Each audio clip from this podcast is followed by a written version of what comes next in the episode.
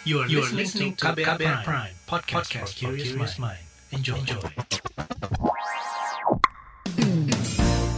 Anda mendengarkan Ruang Publik edisi khusus Indonesia Baik. Bersama kita jadikan Indonesia baik.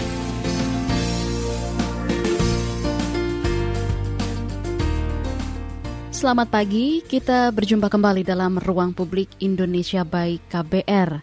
Tema pagi hari ini, jaga laut ikan lestari. Lautan adalah ekosistem yang paling besar di bumi. Ekosistem di laut yaitu sebesar 71 persen dibandingkan dengan ekosistem daratan yang hanya 31 persen. Laut juga berfungsi untuk mengatur kadar suhu di bumi karena laut juga bisa membawa suhu panas dari daerah katulistiwa ke daerah kutub dan begitu pula sebaliknya. Apabila kita menjaga lingkungan dan laut dengan baik, maka suhu di semua wilayah juga akan stabil. Melestarikan laut berarti telah melestarikan setengah ekosistem di bumi. Banyak juga habitat dan spesies di laut yang hidup di sana, seperti berbagai macam jenis ikan, kemudian terumbu karang, cumi-cumi, udang, ubur-ubur, dan masih banyak yang lainnya. Lalu sejauh mana nih kita berperan menjaga kelestarian laut dan isinya? Berikut perbincangan Fitri Anggreni bersama Arif Syah Nasution, lead kampanye Laut Greenpeace Asia Tenggara, dan juga Wiro Wirandi, Ocean Program Manager Ekonusa. Pada segmen ini kita akan simak terlebih dahulu penjelasan Arif Syah Nasution, lead kampanye Laut Greenpeace Asia Tenggara dipandu oleh rekan Fitri Anggreni. Bang Arif, ketika kita bicara soal laut, kita tidak hanya bicara soal ikan, tetapi juga sampah, Bahkan Indonesia disebut sebagai penyumbang sampah plastik di laut terbesar kedua ya setelah Cina. Nah bagaimana kemudian dalam pandangan Greenpeace sampah-sampah ini mempengaruhi laut dan juga ikan yang ada di dalamnya Bang? Prinsipnya kan kalau lautnya sehat, eh, laut akan memberikan eh, manfaat yang baik ya dan juga kesehatan bagi kita. Nah kalau kita eh, pahami saat ini eh, banyak sekali memang eh, yang menjadi beban ya di laut artinya cemaran sampah tadi yang sudah disampaikan kemudian juga limbah atau dari limbah industri nah kalau lautnya tercemar ini akan mengganggu uh, kesehatan laut sendiri dan seperti salah satu yang paling vital sebenarnya jarang sekali disadari 50 sampai dengan 80 persen dari asupan oksigen yang kita hirup setiap hari itu berasal dari lautan gitu. Nah, uh, belum lagi kalau cerita masalah ikan ya 60% dari masyarakat uh, kita uh, yang juga 60% berada di kawasan pesisir juga bergantung asupan proteinnya dari kesehatan laut yaitu dari ikan ya. Jadi kita sangat bergantung dengan hasil uh, laut kita. Nah, ini uh, sangat penting untuk dipahami juga dalam konteks uh, ketahanan pangan kita yang selama ini sebenarnya cukup berlimpah saat ini tapi uh, sudah mulai terganggu uh, karena beberapa uh, tadi ada pencemaran, kemudian juga ada penangkapan ikan berlebih begitu, Mbak. Penangkapan ikan yang berlebih itu itu yang dikenal dengan istilah overfishing begitu ya, Bang ya? Benar, itu yang disebut dengan overfishing. Nah, apakah ini berbeda dengan uh, illegal, unreported, and unregulated fishing, Bang? Baik, kalau overfishing kan sebuah gejala lebih tangkap ya, sedangkan uh, definisi dari illegal, unregulated, dan juga unreported lebih kepada aspek peraturannya. Nah, itu dalam konsep uh, berbeda tapi ini sangat berkaitan gitu karena kegiatan illegal fishing atau IUU fishing ini akan berkontribusi juga terhadap uh, kelebihan tangkap. Nah, kondisi overfishing ini kan sudah sangat menggejala ya atau terjadi uh, sebenarnya sejak tahun 80-an waktu itu kita sudah tahu ada terlalu banyak kapal troll di Indonesia sehingga ada beberapa jenis spesies uh, yang juga akhirnya uh, berkurang gitu ya kelimpahannya terutama di uh, Laut Jawa ya di Pulau Jawa. Nah, uh, itu yang terjadi. Jadi ketika uh, kegiatan illegal fishing ini tidak terkendali, ya, dia akan memicu kelebihan tangkap tadi gitu. Itu aspeknya. Sedangkan IUU sendiri kan ada tiga bagian ya kalau kita mau uh, coba uh, uraikan. Yang pertama aspek uh, legalnya ya. Jadi kalau tidak berizin berarti dia ilegal. Kemudian walaupun sudah berizin tapi tidak dilaporkan dengan baik atau ada false reporting itu juga dikategorikan sebagai uh, uh, IUU. Kemudian yang terakhir ada beberapa memang kegiatan perikanan yang belum diatur dengan baik seperti recreational eh, fishing ya artinya di mana uh, penangkapan ikan untuk tujuan pariwisata ini juga uh, sebelum be begitu baik diregulasi di uh, banyak tempat termasuk di Indonesia. Tapi kalau Bang Arif sendiri melihat uh, untuk persoalan uh, ketersediaan ikan ini sebenarnya porsi yang lebih besar itu dari mana tantangannya bang? Dari apakah dari soal uh, mutu akibat sampah atau uh, akibat overfishing ini bang? Atau ada sebenarnya persoalan lain yang kita mungkin jarang sadari? Ya ada tiga hal dan ini saling berkontribusi dan kita nggak bisa uh, menempatkan ini pada mana yang paling uh, tidak penting atau mana yang paling penting. Tiga-tiganya cukup penting. Yang pertama tadi ya aspek kesehatan bahwa kalau laut tercemar ya kita anggap saja uh, beberapa teluk utama kita misalnya Teluk Jakarta, Teluk Ambon gitu ya kan banyak kota-kota pesisir yang berada di uh, kawasan pesisir kita dan ini kalau lautnya tercemar uh, otomatis uh, ikan yang uh, ada di sana itu juga uh, dia terpapar oleh cemaran tersebut. Jadi memang dari aspek kesehatan kalau misalnya sudah mengandung uh, tinggi logam berat uh, itu juga sangat berbahaya untuk dikonsumsi oleh manusia. Apalagi misalnya tadi ada partikel mikroplastik ya yang juga sebenarnya juga uh, cukup masif ya uh, terbuang ke uh, di badan sungai akhirnya juga berakhir di di laut. Nah itu satu. Terus yang kedua terkait dengan overfishingnya sendiri. Jadi memang kalau ikannya uh, perkembangbiakannya terganggu karena kan dipaksa ya ketika ter, overfishingnya terjadi ikan yang se, uh, yang se, yang kita uh,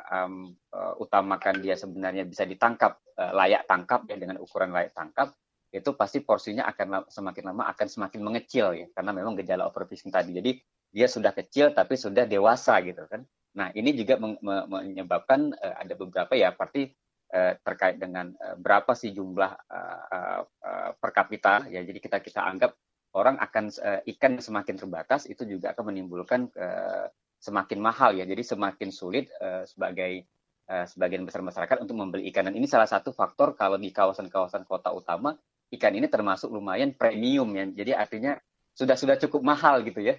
Uh, sudah cukup mahal. Jadi memang orang semakin terbatas meng mengkonsumsi ikan akhirnya. Terus yang ketiga uh, ada aspek yang kadang-kadang juga nggak kita pahami itu terkait dampak dari uh, krisis iklim. Jadi ikan semakin sulit untuk didapatkan gitu. Jadi nelayan sudah sekarang mengatakan kami tidak lagi menangkap ikan ini bung katanya. Kita lebih uh, mencari ikan dan itu belum tentu dapat karena ikannya semakin jauh ya atau semakin dalam karena uh, ada uh, peningkatan suhu rata-rata muka air laut sehingga menyebabkan ikan ini memang uh, lebih uh, condong untuk pergi ya ke wilayah yang lebih dingin dan juga ke kolom air yang lebih dalam. Kurang lebih begitu, Tadi Anda sudah sebutkan bahwa overfishing ini sudah terjadi sejak tahun 80-an ya Bang ya. dan itu kan sudah lama sekali ya. Apa tantangannya kemudian uh, ini tidak bisa diatasi dan sampai sekarang masih terjadi Bang?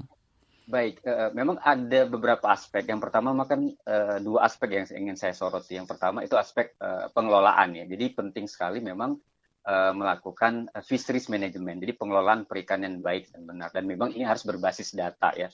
Jadi yang kita lihat uh, selama ini dari rentang 80-an sampai dengan saat ini kan ada ber berbagai ragam kebijakan yang sudah lahir sebenarnya dalam di atas di, di atas kertas sudah cukup baik hanya saja ketika diimplementasikan itu terlalu uh, banyak komprominya. Misalnya troll tadi ya kan sudah lama sebenarnya dilarang, tapi tetap ada karena memang ada tarik ulur kebijakan di sana. Itu yang pertama. Terus yang kedua memang uh, aspek uh, kita me memang mengakui ya, uh, memang basis data pengelolaan perikanan kita belum cukup handal sehingga pengambil keputusan dan juga pelaku perikanan mereka nggak bisa menggunakan data yang sudah ada untuk menentukan ini berapa uh, proyeksi uh, tangkapan lestari yang ada. Dan ini kan kita masih walaupun sudah ada data yang dikeluarkan oleh pemerintah, tapi itu juga dipertanyakan.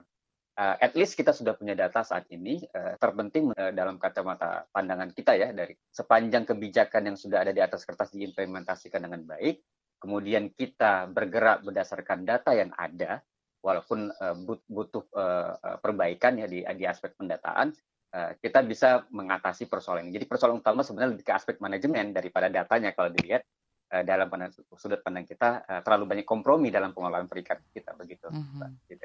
Kalau soal penangkapan ini sebenarnya menjadi wilayah pemerintah daerah atau pemerintah pusat, Mas?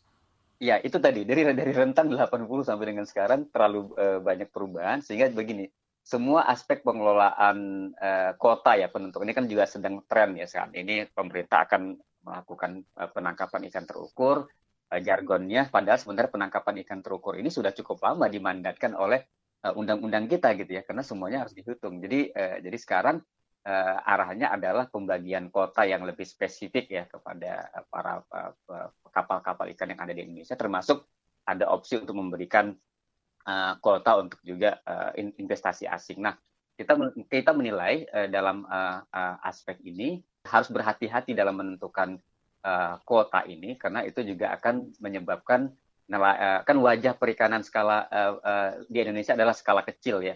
Artinya kita cukup tergantung dan sebagian besar hasil tangkapan kita sebenarnya dikonsumsi di dalam negeri. Jadi orientasi kita sebenarnya memang lebih uh, uh, untuk mengamankan uh, kebutuhan uh, asupan protein tadi di dalam negeri. Jangan sampai kita ujuk-ujuk uh, ingin meningkatkan produksi perikanan, tapi akhirnya mengorbankan stok ikan kita dan juga mengorbankan uh, hak sebenarnya masyarakat kita untuk lebih uh, untuk mendapatkan ikan yang layak dan ikan yang sehat gitu dari laut kita. Apakah pembagian ini kemudian juga yang membuat uh, apa namanya nelayan kita bisa dikatakan salah satu kelompok uh, masyarakat yang miskin, Bang? Ya, itu dia dia tadi. Jadi ketika pengelolaan eh, pengelolaan perikanan cukup buruk ya, artinya lebih menguntungkan segelintir pihak, kemudian tidak ada kebijakan afirmatif yang dilakukan oleh pemerintah untuk misalnya keberpihakan ya kepada nelayan skala kecil kita, uh, itu uh, itu uh, patut kita sayangkan karena memang uh, tidak ada keadilan perikanan di sana. Jadi ketika bicara perikanan dalam aspek di Indonesia dalam konteks kita ya, Uh, pertama uh, kesehatan uh, stok ikan kita itu penting. Jadi aspek lingkungan uh, itu vital, uh, tetapi juga aspek keadilan dalam uh, penentuan kota, kemudian bagaimana pemerintah memberikan hak kelola untuk me mengelola suatu kawasan, termasuk juga misal keberimbangan kebijakan antara pemerintah pusat dan pemerintah daerah. Nah, tadi kan tadi uh, Mbak Fitri sudah nanya ya, saat ini bagaimana? Uh, jadi saat ini semua diatur sebagian besar dari pusat gitu. Jadi pemerintah pusat akhirnya karena ada kebijakan tadi ada undang-undang cipta kerja gitu ya, di mana memang ada menarik kembali semua kebijakan itu ke pusat. Jadi pemerintah daerah dalam hal ini hanya pemerintah provinsi saja yang bisa mengelola laut gitu ya.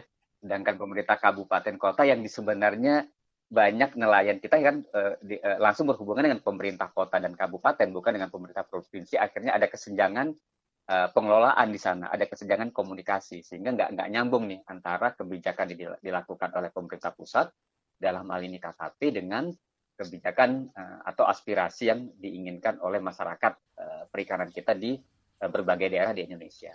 Kalau untuk uh, skema, Bang, sebenarnya baiknya seperti apa skema yang atau pembagian yang bisa diberikan kepada para nelayan kita untuk bisa membuat mereka uh, kehidupannya jauh lebih baik dari hasil tangkapan laut mereka ini, Bang? Ya, kalau uh, yang sudah diproyeksikan dalam uh, pengelolaan perikanan kita kan ada pengelolaan berbasis wilayah pengelolaan perikanan. Jadi ada 11 WPP. Indonesia dibagi 11 WPP wilayah pengelolaan perikanan dan masing-masing WPP ini pasti ada beberapa wilayah di mana uh, beberapa provinsi akan menjadi kesatuan pengelolaan perikanan ya. Jadi harapannya uh, kita mendorong bahwa harusnya ada desentralisasi pengelolaan perikanan kita karena kalau semuanya dikelola oleh pusat uh, daya pengelolaan yang dilakukan oleh pemerintah daerah nggak pernah teruji di situ ya. Jadi kita berharap itu dikelola oleh BPP dan semua kebutuhan bagaimana misalnya definisi berapa stok ikan itu bisa diturunkan di level uh, yang lebih uh, uh, operasional. Itu di tingkat misalnya satuan-satuan pengelolaan perikanan yang ada di masing-masing WPP tadi. Misalnya di kelompok nelayan mana atau di wilayah lokasi uh, desa mana atau di kecamatan mana. Itu yang mungkin yang yang, yang kita dorong sehingga uh, perlu ada kacamata yang lebih detail ya dilakukan oleh pemerintah. Dalam hal ini tadi pengelolaan berbasis wilayah pengelolaan perikanan. Nah, saya yakin kalau ini dilakukan, karena ini sebenarnya sudah sudah cukup ada, uh, bahkan Bapenas sudah sudah mendorong ya, sudah cukup lama bahwa ini perlu didorong. Jadi lagi-lagi uh, uh, sentralisasi saat ini terjadi itu sebenarnya bertolak belakang dengan cita-cita pengelolaan perikanan kita yang lebih berkelanjutan dan lebih berkeadilan. Karena memang tidak ada aspek partisipasi dan juga inisiatif yang dilakukan oleh masing-masing wilayah gitu. Jadi ini semua semua tergantung oleh pusat gitu ya. Itu satu hal yang yang kita lihat uh, tidak baik karena Eh, lagi-lagi ini uh, kebijakannya akan selalu berubah. Misalnya per lima tahun akan ada uh, ada kebijakan yang berubah lagi. Tapi kalau semua diturunkan di level misalnya BPP tadi, kita yakin rencana aksi yang dilakukan oleh masing-masing WPP tidak hanya berada di atas di atas kertas, tapi manajemennya sudah ada. Jadi sekarang sudah ada di atas kertas nih, ada sebuah rencana pengelolaan perikanan per masing-masing WPP, hanya saja kelembagaannya belum ada karena tadi tidak didorong karena memang partisipasi pemerintah daerah akhirnya uh, seperti di nomor dua kan ya gitu kurang lebih seperti itu pandangan kita. Ruang Publik KBR Indonesia Baik edisi hari ini adalah rekaman, jadi kami tidak menerima pertanyaan dari pendengar. Jangan ke mana-mana ya, terus simak Ruang Publik Indonesia Baik. Masih Anda dengarkan Ruang Publik KBR. Commercial break. Commercial break. Commercial break. Ya ampun, kasihan sekali. Di Banyuwangi ada petani yang gagal panen. Di Bengkulu banjir. Di Aceh ada kerusuhan lapas. Eh, di beberapa daerah lain ada yang kecelakaan maut dan tidak kriminal. Ih, Sok tahu ah, info dari mana? lah betul kok itu. Masa aku ngarang-ngarang cerita? Ya elah. Makanya rajin baca dong. Dengerin radio juga biar update dengan berbagai peristiwa. Memangnya kamu baca apa sih? Eh, ini loh berita yang di-share lewat Twitter KBR. At berita KBR. Udah lama loh aku ikutin berita-berita dari KBR. Beritanya komplit. Berbagai peristiwa sosial, politik, isu toleransi, keberagaman, hukum, lingkungan, sampai seni budaya. Komplit pokoknya. Oh gitu. Iya, biar nggak ketinggalan informasi, follow aja akun Twitternya @halo_kbr. Selain itu, kamu juga bisa dengerin melalui KBR yang sudah terverifikasi oleh Dewan Pers. Dijamin tidak terpapar hoax. Eh, satu lagi, ada websitenya juga loh, www.kbr.id. Asyap. KBR Inspiratif Terpercaya. Anda mendengarkan Ruang Publik edisi khusus Indonesia Baik. Bersama kita jadikan Indonesia baik. Kami masih akan membahas mengenai jaga laut ikan lestari bersama Arif Syana Sution, lead kampanye Laut Greenpeace Asia Tenggara. Saat ini kan juga ada uh, apa namanya ya penangkapan yang bertanggung jawab begitu ya bang ya di mana seperti spesies tuna begitu yang uh, ketika diekspor harus mencantumkan sumber atau asal uh, daerah penangkapan begitu ya. Nah apakah kemudian hal seperti ini bisa diterapkan ke uh, jenis-jenis tangkapan lain bang dan sebenarnya seperti apa uh, penangkapan yang bertanggung jawab ini bisa menjadi uh, katakanlah upaya untuk mengurangi overfishing ini, Bang? Ya, eh, tantangan utama di Indonesia kan kita multi spesies ya. Jadi memang keragaman jenis ikan kita luar biasa. Jadi eh, tantangannya di sana. Kemudian yang kedua juga eh, alat tangkapnya banyak gitu. Jadi modifikasi alat tangkapnya juga banyak. Jadi memang itu jadi tantangan terbesar. Jadi perikanan kita eh, cukup kompleks. Tapi kita yakin dengan kemajuan teknologi yang ada saat ini gitu ya, ini semua sangat mungkin untuk dikelola dengan baik. Sepanjang tadi prinsip transparansi pengelolaan perikanannya itu dimunculkan. Jadi itu aspek yang pertama yang nggak pernah transparan kita kita lihat ya. Jadi kalau nggak transparan eh, apa pun aspek pengelolaan sumber daya alam kita nggak akan pernah baik gitu. karena eh, para pelaku eh, kegiatan ya dari di, di sektor tersebut nggak pernah tahu ini kita punya berapa berapa yang perlu di, di dioptimalkan kemudian berapa yang perlu di uh, jual keluar dan berapa yang perlu kita retensi atau kita uh, pasarkan di dalam negeri kita. Jadi uh, itu satu. Terus yang kedua uh, kita yakin ya kalau ini dijalankan uh, pendataannya cukup uh, masif. Kemudian ada aspek uh, yang lagi-lagi penegakan hukum yang uh, tegas ya dan juga berkeadilan gitu. Jadi jangan sampai nelayan-nelayan skala kecil yang memang mereka sulit ya untuk untuk dilakukan misalnya ketelusuran, kemudian juga Uh, karena memang ditangkap kan cukup di wilayahnya cukup jauh ya. Jadi kadang-kadang itu butuh uh, butuh teknologi tertentu untuk men-tracking ini ditangkap di wilayah mana, tapi itu sangat mungkin dengan sekarang.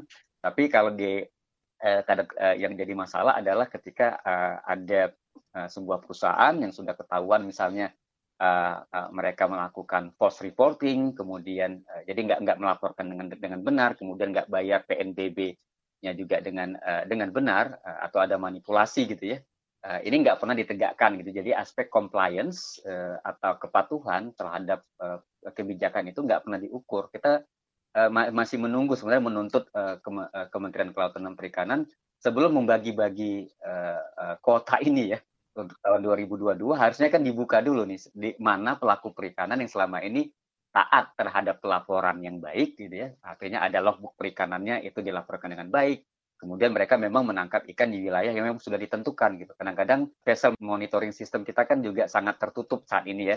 Jadi kita nggak bisa nggak bisa akses dengan mudah sehingga kita nggak tahu apakah memang kapal A ini benar-benar menangkap di wilayah B misalnya atau ternyata dia sudah menangkap ikan di luar wilayah yang sudah diizinkan untuk kapal tersebut. Jadi hal-hal seperti ini harusnya uh, perlu didorong untuk ke depan karena aspek transparansi pengelolaan ini cukup penting, Mbak uh, Fitri. Sebelum kita bicara apakah kita mampu untuk me mengadres uh, uh, atau menanggulangi isu overfishing ini. Uh, berarti ini juga yang dimaksud dengan uh, pencurian ikan begitu ya Bang ya yang uh, dulu sempat sangat ramai apalagi dengan menenggelamkan kapal-kapal para pencurinya itu ya Benar, bang? benar. Karena hmm. memang uh, kan saat ini uh, uh, yang paling utama kan jangan sampai uh, ada pelonggaran untuk kebijakan transshipment at sea atau uh, alih muat ikan di laut ya. Karena ini sangat sulit tadi dideteksi ini ditangkap oleh kapal ikan yang mana kalau dia sudah diperju uh, dipertukarkan di tengah laut. Kita nggak tahu nih kapal ikan yang mana yang akan nangkap kan gitu ya. Jadi ada aspek uh, kebocoran atau ada aspek uh, fish launderingnya di situ. Jadi ada uh, pencucian ikan di situ ya. Jadi sebelum ada pencucian uang ada pencucian ikan gitu. Kita nggak tahu ini ditangkap ke mana. Dan kita mendorong kalau dalam uh, pandangan kita uh, kan nggak terlalu jauh ya. Fishing ground kita itu nggak terlalu jauh. Kita cukup dekat. Jadi uh, ini juga sebuah uh, anugerah bagi kita. Sebenarnya wilayah tangkap kita belum terlalu jauh. Kita masih bisa menjangkau satu minggu perjalanan paling maksimum mungkin satu bulan perjalanan. Jadi uh, seharusnya kapal-kapal ikan ini ya didorong untuk tetap setelah selesai menangkap ikan uh, itu uh, kembali ke pelabuhan di mana mereka diizinkan untuk membongkar muatan ikannya gitu. Itu akan lebih tercatat dibanding kalau memperbolehkan uh, alih muat di, di tengah laut. Saya pikir nggak uh, ada excuse ya untuk Indonesia uh, untuk apa mengatakan bahwa uh, alih muat ikan di laut itu memungkinkan padahal itu juga nggak cukup baik karena kita nggak bisa bantau itu itu itu itu ikan akan di, di dikemanakan.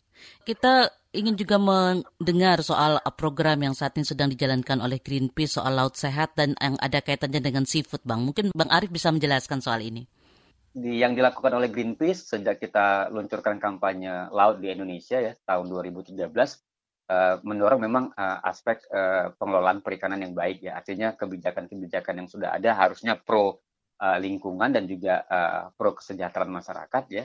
Jadi uh, kita menolak jadi selalu menolak uh, bahwa nggak uh, perlu ada uh, migrasi kapal ikan asing di dalam uh, wilayah pengelolaan perikanan kita gitu ya. Jadi karena jumlah kapal ikan kita sendiri sudah cukup banyak ya eh, lebih dari setengah juta kapal ikan ada di Indonesia gitu. Ya, walaupun jumlah uh, ukurannya kecil-kecil tapi kalau dikalikan potensi penangkapan ikannya juga cukup tinggi gitu ya. Itu yang pertama. Jadi uh, mendorong di, di di level regulasi kebijakan. Kita tahu kebijakan kita belum begitu suportif ya. Uh, karena sebenarnya uh, banyak sekali ya. Jadi ini lebih ke ke, uh, ke apa uh, improvisasi menterinya aja gitu ya jadi tergantung menterinya mau terima investasi asing atau tidak gitu. Jadi tapi uh, kebijakan kita itu yang perlu didorong. Jadi kita mendorong untuk uh, adanya uh, penguatan di aspek regulasi karena cukup penting bicara legalitas di sini. Terus yang kedua kita bicara kolaborasi untuk memastikan ini butuh kampanye masif ya. Jadi kita tahu Greenpeace sendiri tidak mungkin sendirian.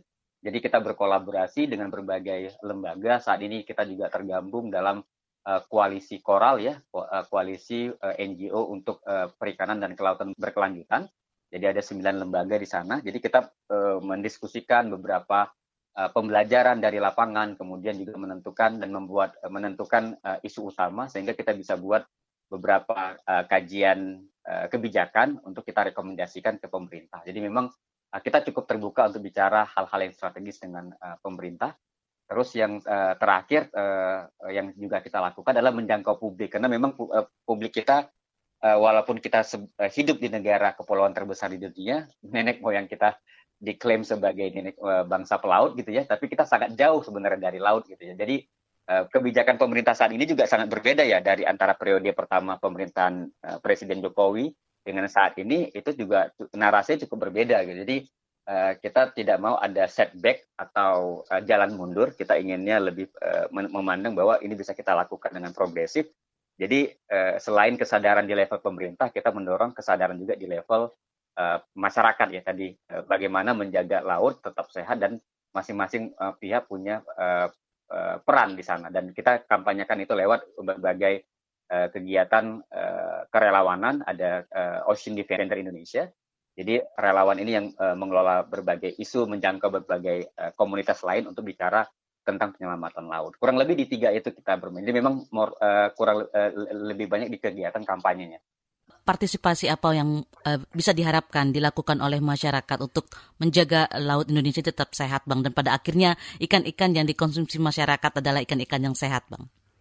Ya, yang paling pertama jangan uh, kelola limbah dan sampah kita dengan bijak ya, jangan sampai terbuang ke badan air karena memang data-data menunjukkan laut kita semakin tercemar oleh uh, logam berat, semakin tercemar oleh uh, partikel plastik. Terus yang kedua, jaga kesehatan ekosistem pesisir kita gitu, seperti terutama uh, kawasan mangrove, terumbu karang dan juga padang lamun. Jadi sebaik uh, sebisa mungkin ikut beberapa, beberapa kegiatan uh, komunitas ya, menanam mangrove atau melakukan kajian karena uh, kesehatan laut kita sangat tergantung dengan apa yang kita lakukan di kawasan daratan dan juga di pesisir gitu. Eh, karena kita sebagian besar hidup di pesisir, kalau kita bijak hidup di darat, mudah-mudahan laut kita lebih sehat. Tapi kalau kita nggak bijak hidup di darat dan pesisir, laut kita pasti akan sekarat. Kami ingatkan kembali kalau ruang publik KBR edisi Indonesia Baik hari ini adalah rekaman, jadi kami tidak menerima pertanyaan dari pendengar. Jangan ke mana-mana ya, terus simak ruang publik Indonesia Baik. Mendengarkan ruang publik edisi khusus Indonesia Baik. Bersama kita jadikan Indonesia baik. Terima kasih untuk Anda yang masih setia mendengarkan Ruang Publik dari KBR edisi hari ini dengan tema Jaga Laut Ikan Lestari.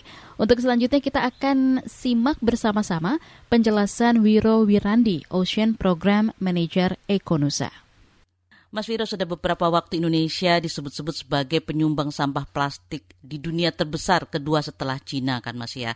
Nah apakah sampai saat ini posisi ini uh, masih bertahan Mas? Dan apa yang menjadi tantangan uh, Indonesia ini untuk bisa turun level ke uh, peringkat yang lebih rendah sebagai uh, penyumbang sampah laut terbesar di dunia, ya, Mas? Kalau dilihat sih memang uh, nampaknya masih masih sama ya, tidak ada tidak ada upaya yang signifikan untuk pengurangan sampah plastik secara strategis dari pemerintah. Memang sudah dibentuk sebuah uh, namanya National Plan of Action ya, National apa untuk uh, mengurangi sampah plastik yang terdiri dari multi stakeholder. Ini yang yang saya lihat itu saya dan teman-teman Ekonusa ada berada di dalamnya juga untuk bergabung. Dan juga ada beberapa perusahaan penghasil apa industri besar di dalamnya. Uh, masih belum menunjukkan upaya yang serius dan konkret gitu mbak uh, untuk misalnya tidak memakai lagi kemasan plastik dalam produksinya, yaitu yang seperti banyak kita makan mungkin setiap hari seperti mie baik dia mie instan.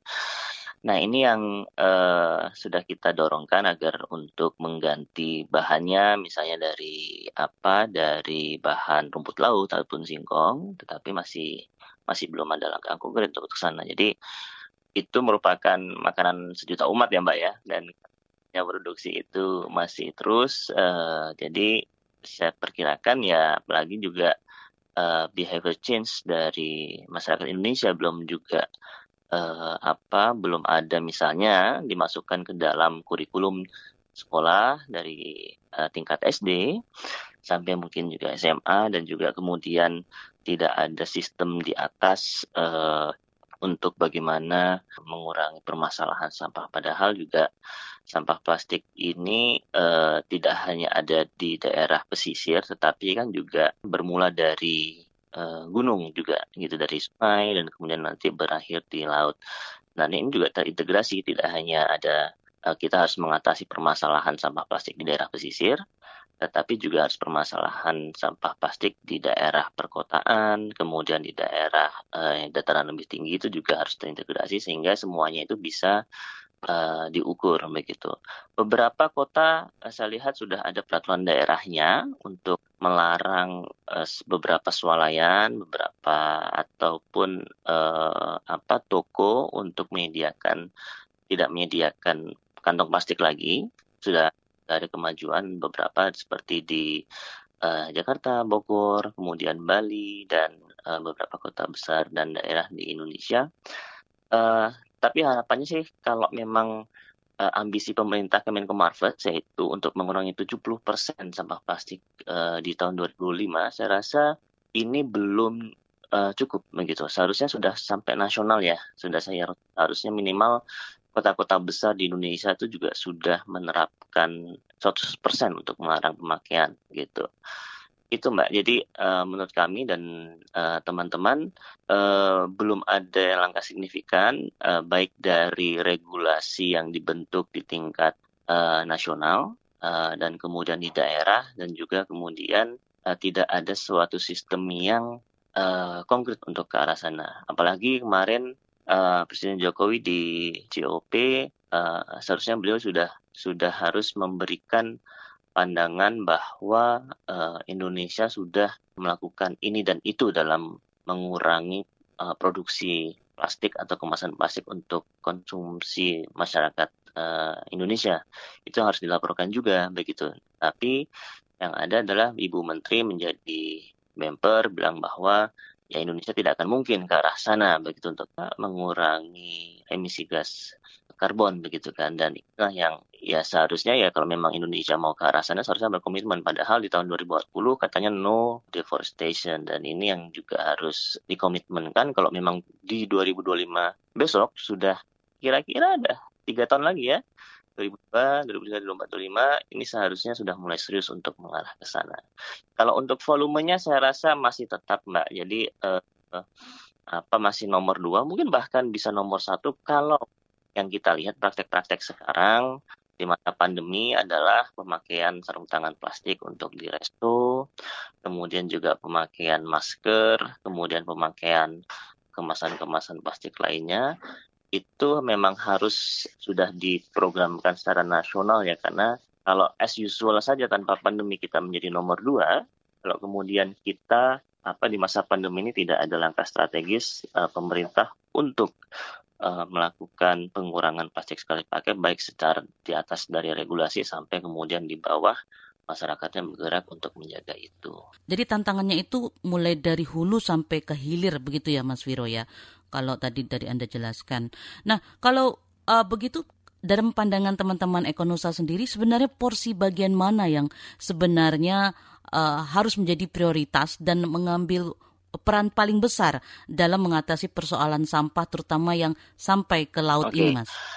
Menjadi peran besar adalah uh, menurut saya ada dua, pemerintah dan industri. Uh, industri menjadi uh, pelaku yang paling bertanggung jawab karena mereka memproduksi kemasan-kemasan plastik utama ya di Indonesia ya seperti kemasan uh, sehari-hari kita, daily product seperti dari sampo, sabun, kemudian makanan uh, pemerintah juga harus bisa menghasilkan regulasi yang ketat, kemudian membangun sistem uh, teknis yang yang jelas untuk himbauan di seluruh uh, pemerintah daerah di Indonesia dengan serius di tahun 2005 kalau perlu sudah stop untuk uh, apa untuk produksi plastik atau kemudian semua uh, setidaknya uh, setiap provinsi sudah ada peraturan untuk melarang pemakaian plastik sekali pakai gitu. Dan inilah yang yang saya lihat pertama belum ada. Dan kedua uh, adalah membangun kesadaran di tingkat masyarakat. Membangun kesadaran di tingkat masyarakat ini yang kita di Indonesia uh, di tanggal 28 Oktober kemarin secara serentak di seluruh Indonesia mengajak komunitas masyarakat anak muda itu untuk melakukan aksi muda jaga iklim namanya AMJI dan ini kita bekerjasama dengan berbagai institusi baik dari pemerintah, kemudian dari uh, university, uh, sekolah, kemudian uh, pramuka, uh, dan kemudian juga beberapa ormas begitu di Indonesia itu untuk pembangunan kesadaran. Nah, seharusnya ini kan sebenarnya tugas pemerintah, gitu Mbak Vita. Nah, kalau misalnya tugas pemerintah hanya mengangkut sampah dan kemudian membuangnya ke tempat sampah, saya itu tidak cukup tetapi yang ini harus terstruktur yang saya bilang tadi, ini harus dibangun sebuah uh, kalau misalnya saya bilang nyentil Mas Menteri uh, apa Mas Menteri Pendidikan, saya rasa ini harus harus masuk di uh, permasalahan atau mata pelajaran konservasi dari awal dari dini gitu kan untuk kita me apa investasikan itu untuk menuju uh, beberapa tahun ke depan. Setidaknya generasi kita saat ini 60% adalah anak muda kalau menurut survei BPS kemarin dan seharusnya itu bisa disentuh dari gaya hidup uh, mereka begitu. Nah, gaya hidup inilah juga merupakan ada satu strategi juga dari pemerintah. Apalagi sekarang dah sangat dunia digital ya, misalnya Kemenkoinfo memakai TikTok yang kreatif untuk bisa menyebarkan ini kepada eh, konten-konten kreator. Seharusnya juga YouTuber, uh, TikTokers juga bisa juga digandeng untuk permasalahan itu. Jadi itu yang saya lihat juga belum ada langkah yang konkret untuk ke arah sana. Padahal uh, ini istilahnya kalau di dunia pembacaan itu bisa mengarah ke permasalahan keamanan ya bisa saja lingkungan suatu saat bisa menjadi permasalahan keamanan negara. Saat ini kan kemarin pandemi kesehatan juga sudah menjadi permasalahan keamanan negara. Nah, apakah lingkungan akan menjadi darurat negara? Suatu saat saya rasa bisa apabila negara tidak serius dalam menangani hal ini. Kalau dirunut ya Mas ya, eh, kemarin kan eh, di COP26 eh, itu ramai soal emisi gas rumah kaca. Salah satu yang dibahas adalah uh, soal deforestasi ya. Nah kalau kaitannya dengan sampah plastik, seperti apa kaitan sampah plastik, sampah-sampah yang dihasilkan oleh masyarakat ini, baik juga industri, itu terhadap emisi gas rumah kaca, Mas? Jadi produksi plastik pastinya kan berasal dari minyak, gitu. Nah, inilah yang uh, kalau semakin uh, target produksi uh, kemasan plastik dan turunannya itu semakin banyak, berarti uh, pembakaran karbon CO2 ke ke udara semakin banyak juga. Makanya tadi uh, kalau uh, sudah mulai beralih kepada penggantian bahan bakunya dari minyak ke bahan baku alamiah ataupun ada bahan bahan refill ya. Memang sudah ada beberapa perusahaan yang sudah ke arah refill begitu dan dia membuka itu di beberapa supermarket, kemudian juga sudah ada toko-toko refill di uh, independen di Indonesia, walaupun ya masih bisa dihitung dengan jari, itu belum signifikan gitu. Jadi uh, produksi minyak yang yang utama ya pasti menghasilkan plastik karena memang plastik produksinya uh, dari dari turunan dari minyak bumi ya. Nah kemudian uh, ya kita bayangin aja kalau uh, beberapa iklan di TV yang seliwer-seliwer yang saya lihat bahwa uh, ada kampanye untuk ke galon plastik sekali pakai. Menurut saya itu ya malah menambah permasalahan saja begitu. Karena tidak menjawab sebuah uh, permasalahan yang ada yang kalau bisa memang uh, galon yang refill itu masih bagus, tetapi kalau galon sekali pakai itu sama aja kita menambah produksi plastik lagi dan kalau memang labelnya adalah recycling ya itu bukan solusi. Kenapa? Karena plastik akan tetap diproduksi, bukan kemudian kita harus kemudian tanggung jawab kita sebagai masyarakat harus merecycle gitu kan. Yang yang harus dilakukan oleh industri adalah mereka mengurangi produksi plastik dan kemudian pemerintah juga harus uh, mulai men mencarikan uh, apa bahan baku yang terbarukan. Jadi bukan dari minyak lagi Mbak. Ya itu yang yang menjadi permasalahan yang kita soroti bahwa uh, belum ada inovasi-inovasi yang strategis dari industri-industri besar dalam uh, mengurangi pemakaian bahan baku minyak uh, untuk kemasan uh, produksi mereka, Mbak. Ya, kembali kami ingatkan kalau ruang publik KBR edisi Indonesia Baik hari ini adalah rekaman, jadi kami tidak bisa menerima pertanyaan dari pendengar. Tetaplah bersama kami. Masih Anda dengarkan Ruang Publik KBR. Commercial break. Commercial break. Commercial break. Sekarang kamu nggak bakal ketinggalan berita lagi. Lewat podcast, kamu bisa kembali menyimak apa yang sudah lewat serta obrolan seru di balik sebuah peristiwa. Gak perlu repot download aplikasi lagi. Ketik aja kbrprime.id di browser ponsel pintar kamu dan simak beragam podcast di KBR Prime.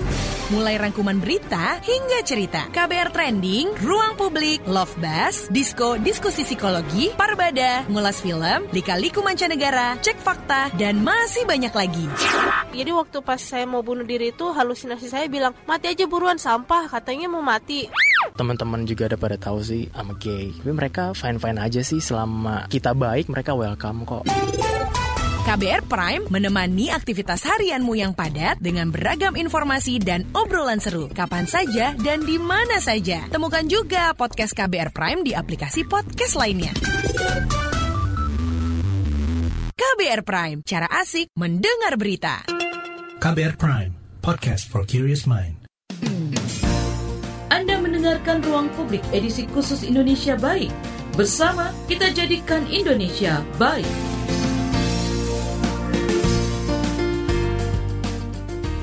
Kita tiba di bagian akhir ruang publik KBR edisi Indonesia Baik hari ini.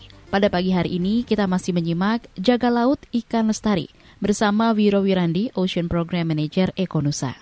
Tapi kemudian uh, apakah uh, dampak dari uh, sampah plastik ini hanya uh, berupa sampah yang menggunung, Mas? Uh, seperti apa dampak uh, sampah ini sendiri terhadap uh, ekosistem baik di darat maupun di laut, Mas? Ini yang menjadi uh, apa concernnya Ekonusa saat ini. Jadi uh, ke depan kita di tahun 2002 akan memfokuskan uh, karena pemerintah masih belum uh, serius untuk hal ini, kita akan mengalihkan fokus ini kepada perlindungan pesisir, perlindungan masyarakatnya dan perlindungan biota.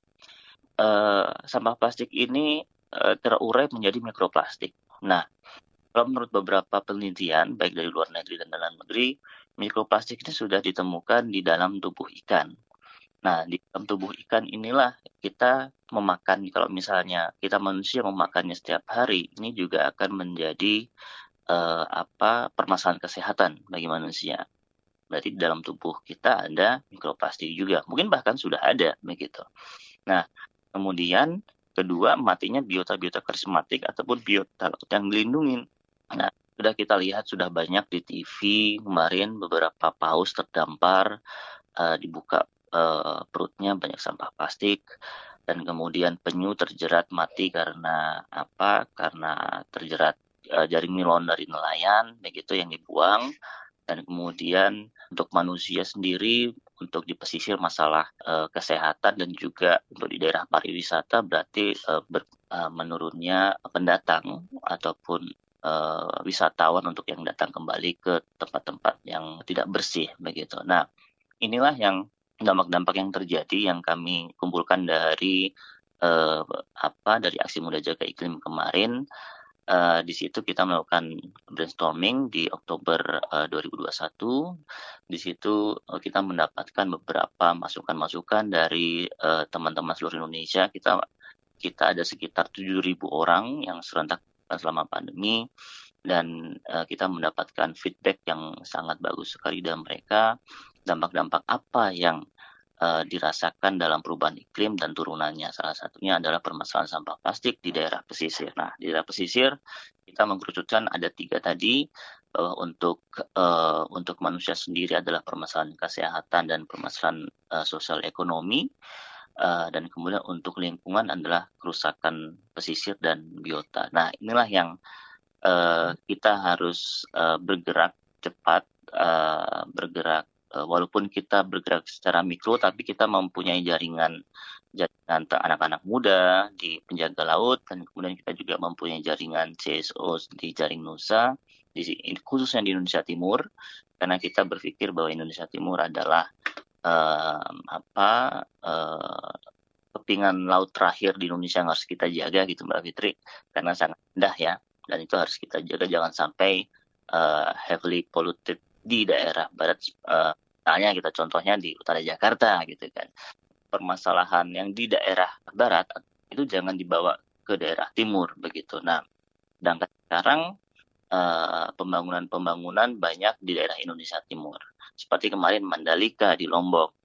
Kemudian nanti di eh, Komodo di daerah NTT ada pembangunan apa? Pembangunan untuk pariwisata dan diprioritaskan oleh pemerintah untuk dibangun eh, apalagi kemudian tetap uh, Raja Ampat, kemudian Wakatobi, kemudian Banda dan Ternate dan lainnya. Nah, jangan sampai kemudian daerah-daerah utama pariwisata, daerah utama kita ini kemudian dengan adanya pembangunan yang lebih besar itu menyebabkan produksi sampah plastik dan akan menyebabkan uh, tekanan terhadap pesisir dan biotanya, apalagi untuk manusia itu sendiri. Karena kita pertama care terhadap manusianya, jangan sampai uh, di masyarakat lokal yang seperti biasanya mereka memakai produk-produk alamiah begitu dan tidak menghasilkan plastik secara besar dengan masuknya pembangunan industri ke sana itu akan menyebabkan kerusakan uh, apa kesehatan kemudian kerusakan alam mereka dan biota-biota laut yang memberikan manfaat bagi kehidupan mereka. Itulah yang ingin ke depan agar kita jaga. Jadi uh, apa bukti-bukti itu sudah ada. Evidence base sudah di sudah kita dapatkan beberapa video sudah sudah ada dari teman-teman jaringan. Bahkan sekarang ada kalau dari kami ada seorang uh, champion lokal di daerah Banda itu dia individual dia mengangkat sampah plastik di daerah kepulauan Banda. Sampai saat ini itu dia angkat dari laut secara mandiri awalnya uh, kemudian dia jual mbak. Dia olah itu menjadi bahan bakar untuk menghidupin motornya gitu. Untuk mengotor motor untuk mengangkat uh, sampahnya yang dari laut ke darat dan untuk diolah gitu sampai sekarang dia sudah dia punya kapal untuk mengangkat langsung di kepulauan-kepulauan Banda. Kenapa?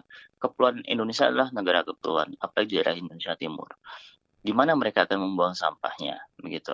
Karena sistem pembuangan sampah di di daerah uh, remote area di seperti di Banda sendiri uh, apalagi di pulau-pulau kecilnya itu tidak ada ya biasanya ya dibakar gitu kan tetapi dia berpikir kemudian bergerak anak muda itu bergerak kemudian dia mengangkat sampah plastik uh, setiap hari sampai kemudian dia bisa menghidupin beberapa terakhir di bulan Oktober kemarin saya mendapatkan informasi dia sudah uh, menghidupi 20 orang dari sampah itu. Tapi bukan artinya ini akan apa menjadi menjadi penghidupan utama bagi dia. Dia bilang ya kita menunggu aksi. Kalau misalnya saya sudah tidak ada tidak ada pekerjaan lagi, berarti saya nganggur, berarti sampah sudah bersih gitu. Jadi jadi itulah salah satu suara dari timur mbak dari anak muda di uh, Banda.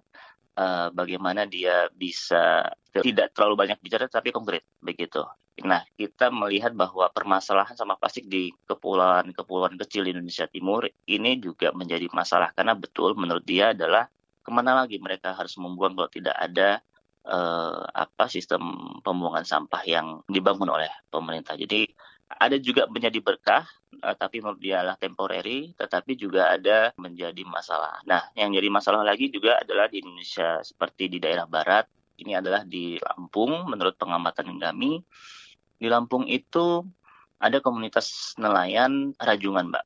Nah, uh, rajungan itu adalah pakai jaring uh, nilon. Jaring nilon ini umurnya sebulan karena gampang rusak. Nah, panjang jaring uh, nilon satu nelayan itu uh, sekitar 300 sampai 500 meter. Kan menangkap rajungan yang di dasar, jadi dia harus memagari sehingga nanti kalau rajungan terbawa arus dia terjerat gitu kan ya. Tapi permasalahannya ketika sistem mengangkatnya jaring itu ke atas ketika mereka sudah uh, sudah selesai itu terkadang uh, jadi putus karena juga harus uh, melepaskan rajungan juga dari dari uh, jaringnya itu umurnya sebulan akhirnya dibuang. Jadi buangnya itu dibuang di pesisir saja gitu. Itu satu nelayan kadang-kadang punya lebih dari satu, misalnya dua gitu. Nah dua saja sudah kita bayangkan jumlah nilon panjangnya 500 meter kali dua berarti satu kilo gitu kan. Nah di sana ada berapa jumlah nelayan rajungan? Yang kami daftar kemarin kami pantau sekitar ada 2000 gitu dari kabupaten di pesisir timur saja. Nah kita bayangin kalau seluruh Indonesia nih Indonesia nelayan rajungan itu melakukan penangkapan rajungan dan kemudian membuangnya setiap bulan. Nah, inilah yang benar menurut penelitian kemarin di luar itu ada sampah plastik yang diangkat dari laut itu yang paling besar adalah alat tangkap jaring begitu. Jadi itu yang paling besar dan masif secara volume. Nah, inilah yang pertama berbahaya bagi pelayaran, bagi nelayan-nelayan skala kecil. Kalau misalnya dia baling-balingnya terjerat di laut, ini yang bisa menjadi masalah. Kemudian juga, kedua juga terhadap biota. Pastinya biota banyak terjerat uh, jaring-jaring seperti penyu, kemudian uh, lumba-lumba, paus itu juga bisa terjerat juga gitu. Nah, Jadi uh, perlu edukasi juga kepada uh, nelayan, kepada juga inovasi apa alat tangkap uh, dan beberapa juga sudah bergerak untuk uh, membeli jaringnya untuk kemudian jual kembali. Tetapi tetap sama aja ini uh, menjadi permasalahan yang harusnya diperhatikan oleh pemerintah daerah ataupun juga industri yang menghasilkan uh, nilon tersebut untuk bagaimana ini solusi ini jangan sampai terus-menerus ke depan. Demikian ruang publik KBR edisi Indonesia Baik dengan tema Jaga Laut Ikan Lestari. Terima kasih untuk kebersamaan Anda pagi ini. Saya Naomi Liandra undur diri. Salam. Baru saja Anda dengarkan Ruang Publik KBR. KBR Prime, cara asik mendengar berita. KBR Prime, podcast for curious mind.